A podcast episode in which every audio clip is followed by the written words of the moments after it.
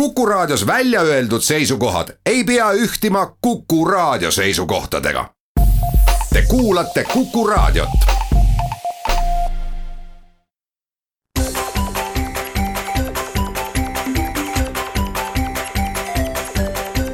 maksumaksja koostöös Eesti Maksumaksjate Liiduga tere päevast, eetris on saade Maksumaksja, mikrofoni ees on Lasse Lehis. tänane saade on ajendatud esimesest oktoobrist, millest on küll nädalake ja rohkem möödas, kuid esimene oktoober oli see päev, kus paljud äh, Eesti inimesed said ennast äh, tunda maksumaksjana sõna otseses mõttes, sest äh, saabus maksetähtaeg kahe maksu osas, maamaksu teine pool ja tulumaks füüsilisest isikust ettevõtjatel ka sotsiaalmaks. ehk siis just äh, sügisene maksetähtaeg äh, puudutas suuremat osa neid inimesi, kes peavad ise ühel või teisel põhjusel oma maksuasju riigiga otse klaarima. Äh, kes siis ei saa oma makse korda aetud tööandja kaudu, maksu kinnipidamise kaudu, mis enamikel juhtudel toimub vaid teatud tululiikide puhul või teatud ettevõtlusvormide puhul see lihtsalt ei ole võimalik. ja püüakski täna siis rääkida nendest maksumaksjatest, keda see uudis puudutab, kellel on võib-olla mitte just kõige meeldivamad emotsioonid nende maksetega, nende ülekannetega seoses.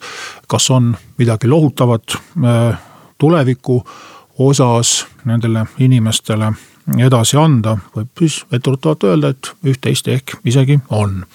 kui rääkida mm, statistikast, siis kui suur see inimeste hulk oli, kes siis eelmisel nädalal oma, oma pangakontot pidid tühjendama maamaksu puudutavas osas seitsekümmend seitse tuhat nii füüsilist kui juriidilist isikut.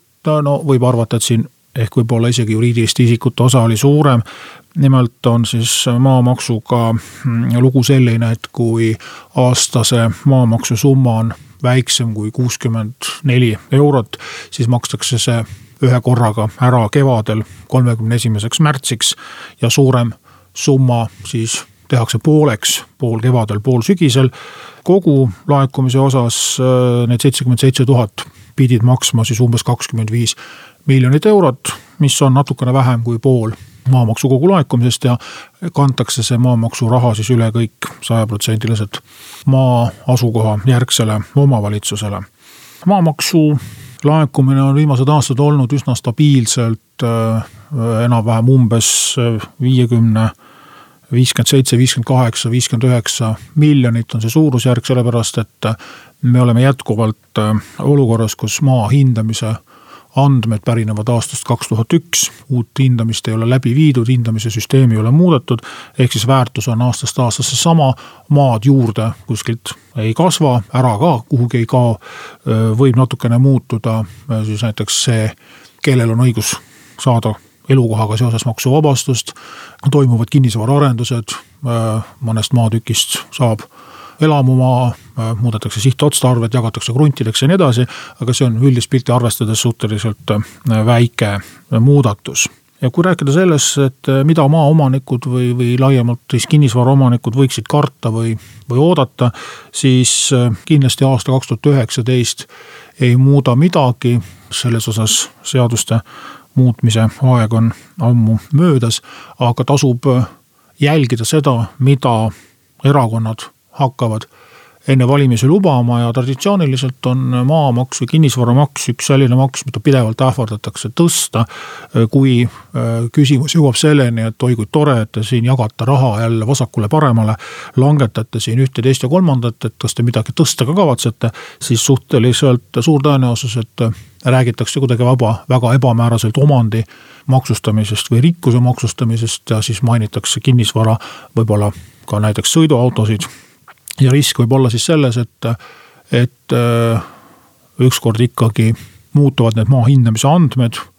Äh, kas siis viiakse uus hindamine läbi või muudetakse hindamise süsteemi, mis võib tähendada mitmekordset, võib-olla mõnes piirkonnas isegi mitmekümnekordset väärtuse kasvu, mis äh, võib teisest küljest tähendada seda, et tuleb maamaksumäärasid ilmselt vähendada ja võib-olla isegi lausa mingi summaline piir ette panna, et ei saa, et ei saaks ühe aastaga maamaks näiteks kellelgi nüüd siin kümme või kakskümmend korda lausa suuremaks minna on palju räägitud sellest, et Eestis maksustatakse maamaksuga ainult maad, aga mitte ehitisi.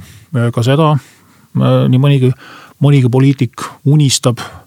siin võib takistuseks saada eelkõige see, et selleks, et neid ehitisi maksustama hakata, tuleks need kõigepealt kõik kokku lugeda, ära hinnata. ehitisregister loomulikult meil on olemas ja üsna usinasti sinna ju ka lastakse kanda Äh, ebaseaduslikke ehitisi, millel ametlik dokumentatsioon puudub ja kurjad keeled aeg-ajalt ka arvavad, et see võikski üks kaval plaan olla riigil äh, kasutada siis ehitisregistri andmeid maksu määramiseks. ja kõik äh, koduomanikud, kes naudivad koduomaniku maamaksuvabastust, tasuks kindlasti vaadata, mida erakondadel selle kohta öelda on.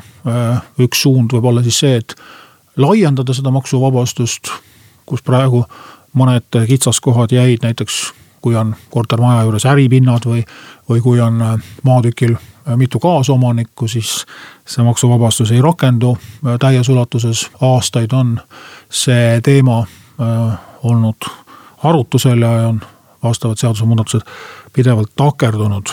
aga kindlasti on ka neid poliitikuid, kes ütleksid, et selle maamaksuvabastuse võiks üldse ära kaotada väljaspool Tallinnat elavatele inimestele pole sellest sooja ega külma, sellepärast et kortermajades ühe korteri maamaks on ikkagi suhteliselt väike summa, tihti jääb alla viie euro, mis tähendab, et maamaksu üldse ei määratagi ja maamaksuteadet ei hakata välja saatma.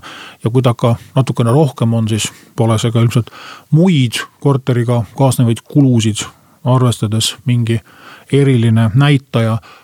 aga mis olid need piirkonnad või kes olid need inimesed, kelle jaoks omal ajal see maksuvabastus üldse kehtestati, et Tallinna miljööväärtuslikud alad, eelkõige Nõmme, Pirita, muud aedlinna osad, samuti ka Tallinna lähivaldades siis eramute juures olevad suured krundid, eriti just Nõmme torkab ju silma sellega, et seal on krundid suuremad kui aedlinnades või endistes suvila kooperatiivides ja miljööväärtuslik ala tähendab ka seda, et krunte ei saa tükeldada, isegi kui seda tahetakse maksu kokkuhoiu eesmärgil teha. et äh, kui ka mingisuguseid muudatusi selles osas tehakse, siis kindlasti peaks nendes piirkondades äh, säilima võimalus koduomanikke maamaksust vabastada. kohe pärast väikest pausi jätkame tulumaksu teemadel, äh, keda puudutab siis esimesel oktoobril toimuv makse ja mis siin järgmistel aastatel on ootamas.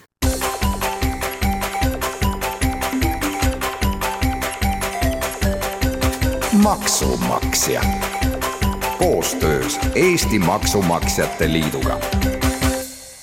saade Maksumaksja räägib täna sellest, et esimesel oktoobril tulid paljudel maksumaksjatel täita maksukohustusi ja tulumaksuseadusest tulenevalt eh, siis eh, isikud, kes on kas saanud ettevõtlustulu ehk FIE-d, kes on saanud tulu välismaalt kes on saanud tulu siis vara võõrandamisest. Nemad peavad oma maksukohustuse täitma esimesel oktoobril. muudel juhtudel, kui tuludeklaratsioon annab arvutuseks tulumaksu juurdemakse, tuli seda teha juba esimeseks juuliks. tõsi, jätkuvalt ja sellel aastal veel küll viimast korda üle üheksakümne protsendi inimestest, kes tuludeklaratsiooni esitavad, ei pea midagi juurde maksma, vaid saavad tulumaksu tagasi. järgmisel aastal toimub selles osas noh, kui nii võib öelda, väike paradigma vahetus. kui suur saab olema nüüd nende inimeste arv, kes viiesaja eurose maksuvaba tulu tingimustes ähm, peavad järgmise aasta esimeseks juuliks tulumaksu juurde maksma. Ei ole ilmselt tänase seisuga võimalik öelda, sest see sõltub ühest küljest sellest, milliseid lisasissetulekuid inimene aasta jooksul teenib, teisest küljest sõltub väga palju ka sellest, millise valiku inimene ise tegi. kui ta kirjutas oma töökohta maksuvaba tulu rakendamise avalduse, kas ta tegi seda nii-öelda konservatiivselt ehk jättiski osa maksuvaba tulu kasutamata, et juurdemakset vältida või ta ei osanud või ei tahtnud äh, sellega arvestada ja äh, peab siis ootama põnevusega kevadel pärast tuludeklaratsioonide esitamist ja enne riigikogu valimisi, mis siis see õige skoor tuleb. aga kui nüüd rääkida esimese oktoobri maksest, siis füüsilisest isikust ettevõtjaid, kes pidid sotsiaalmaksu maksma, oli umbes üheksa tuhat ja see summa oli kaheksa koma viis miljonit eurot. tulumaksu juurdemaksjaid oli rohkem, seitseteist tuhat ja siin on asi selles, et, et siin neid tululiike on rohkem, ehk siis ka välismaalt saadud tulu ja vara võõrandamisest saadud kasu eelkõige, mitte siis otseselt FIE-sid, see ei puuduta ja kolmkümmend kaheksa miljonit on see tulumaksu summa. kui nüüd rääkida füüsilisest isikust ettevõtjatest, siis kuigi aeg-ajalt ju räägitakse, et see on niivõrd mõttetu ja ajast maha jäänud ettevõtlusvorm, et ükski normaalne inimene sellega ei tegele, siis noh, praktika ütleb, et kolmkümmend tuhat inimest ja veidi rohkem siiski seda vormi kasutab ja ma usun, et nad on ikka täie mõistuse juures ja, ja minagi olen üks nendest, kes on ka teatud eeliseid siiski sellel ettevõtlusvormil leidnud, siis siin tasub meenutada, et esiteks iga aasta muutub sotsiaalmaksu osas alampiir ja ülempiir seoses alampalga muutumisega, ehk siis igal järgmisel sügisel on see summa suurem, mis tuleb maksta juhul, kui kasum pärast mahaarvamise tegemist jääb alampiirist allapoole. ja kui me praegu räägime kahe tuhande seitsmeteistkümnenda aasta tuludest, siis oli see kuumäär nelisada kolmkümmend eurot. Noh, me peame selle siis kaheteistkümnega korrutama. järgmise sügisel on see siis see arvestuslik baas nelisada seitsekümmend eurot ja, ja ülejärgmisel sügisel siis viissada eurot.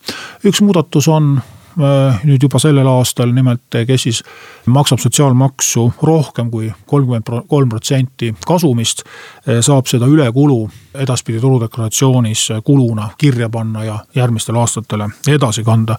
varem seda ei lubatud ja samuti kahe tuhande kaheksateistkümnenda aasta tulud, mida siis järgmisel kevadel tuleb deklareerima hakata, äh, on FIE-del mõned meeldivad muudatused, näiteks välismaal töötamise või välismaal ärireisidel käimise eest saab nüüd ka nii-öelda päevaraha endale arvestada, viiskümmend eurot päevas. tõsi küll, erinevalt töötajatest äh, peab siin olema juurde näidata siis toidukulude tšekk. Saab teha reklaamkingitusi, kümme eurot tükk ja saab deklareerida vastuvõtukulusid kolmkümmend kaks eurot ühes kalendrikuus, mis on siis juriidilistel isikutel varem olnud maksuvaba, FIE-del nüüd alles lisati. ja kes on kahjumis tegutsenud, siis äh, teavad, et äh, seitse aastat on lubatud FIE-del kahjumeid edasi kanda. alates sellest aastast see pikeneb, kuni siis saab ta olema kümme aastat kui nüüd rääkida sellisest äh, tululiigist nagu kasu vara võõrandamisest, siis noh, ilmselt enamik äh, tulumaksu juurdemaksjaid sellesse kategooriasse läheb, äh, valdavalt puudutab see väärtpabereid. ehk siis juurdemaksjate arv aastate lõikes ongi üsna kõikuv olnud, ähm, eelkõige sellest tulenevalt siis, kas on mingeid suuri ülevõtmisi näiteks, näiteks börsilt küll siin läks kunagi Swedbank ära, Saku õlletehas, nüüd siin Olympic. et siis on ka hästi palju neid inimesi, kes on küll väikestes summades äh, tulu saanud, aga siiski peavad tulumaksu juurde maksma. pensionifonde see ei puuduta, pensionifondidest väljamaksete tegemisel on erikord, siin peetakse tulumaks kinni. Äh, siin ise maksta üldjuhul midagi ei tule.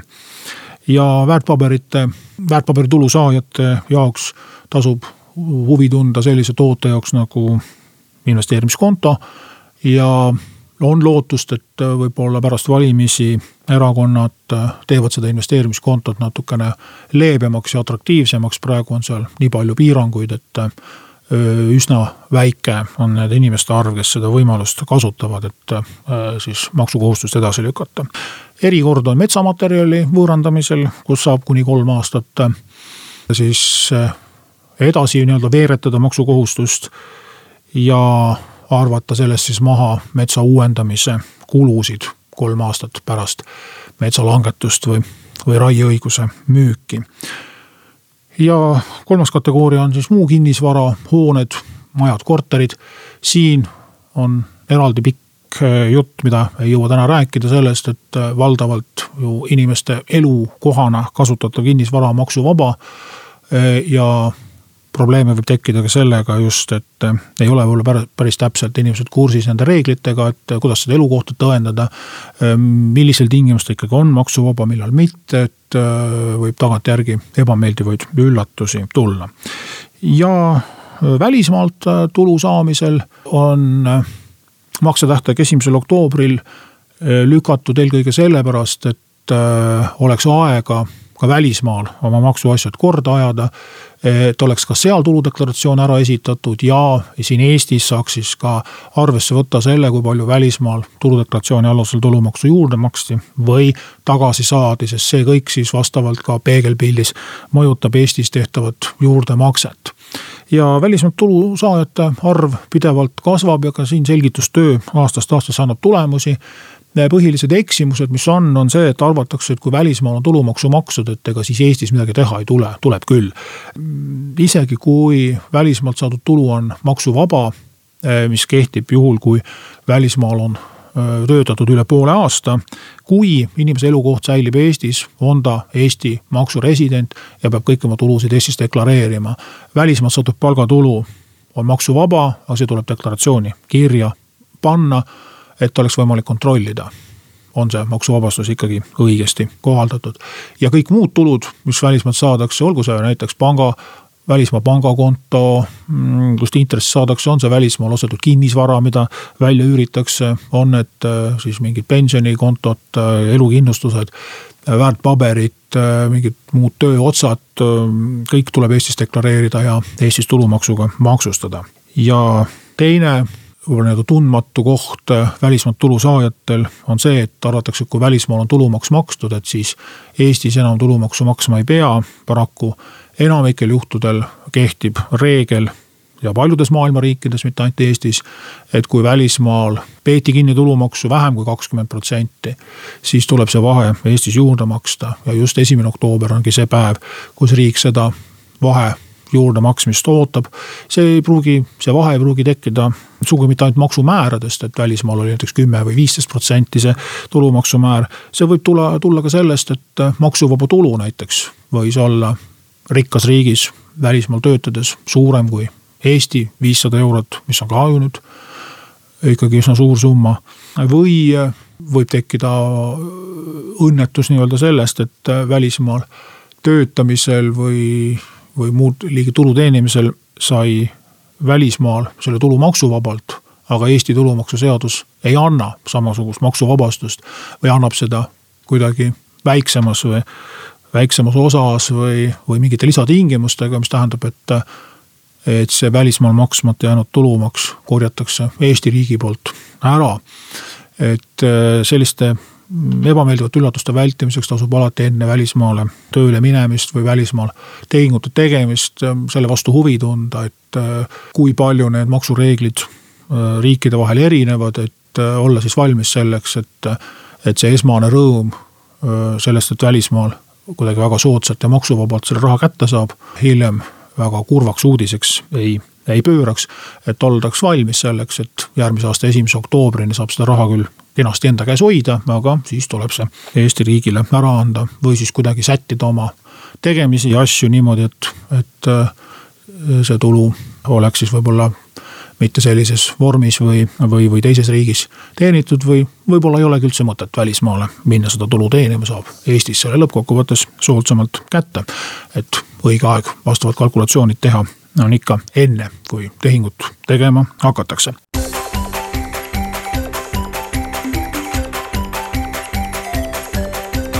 Maksumaksja. Koostöös Eesti Maksumaksjate Liiduga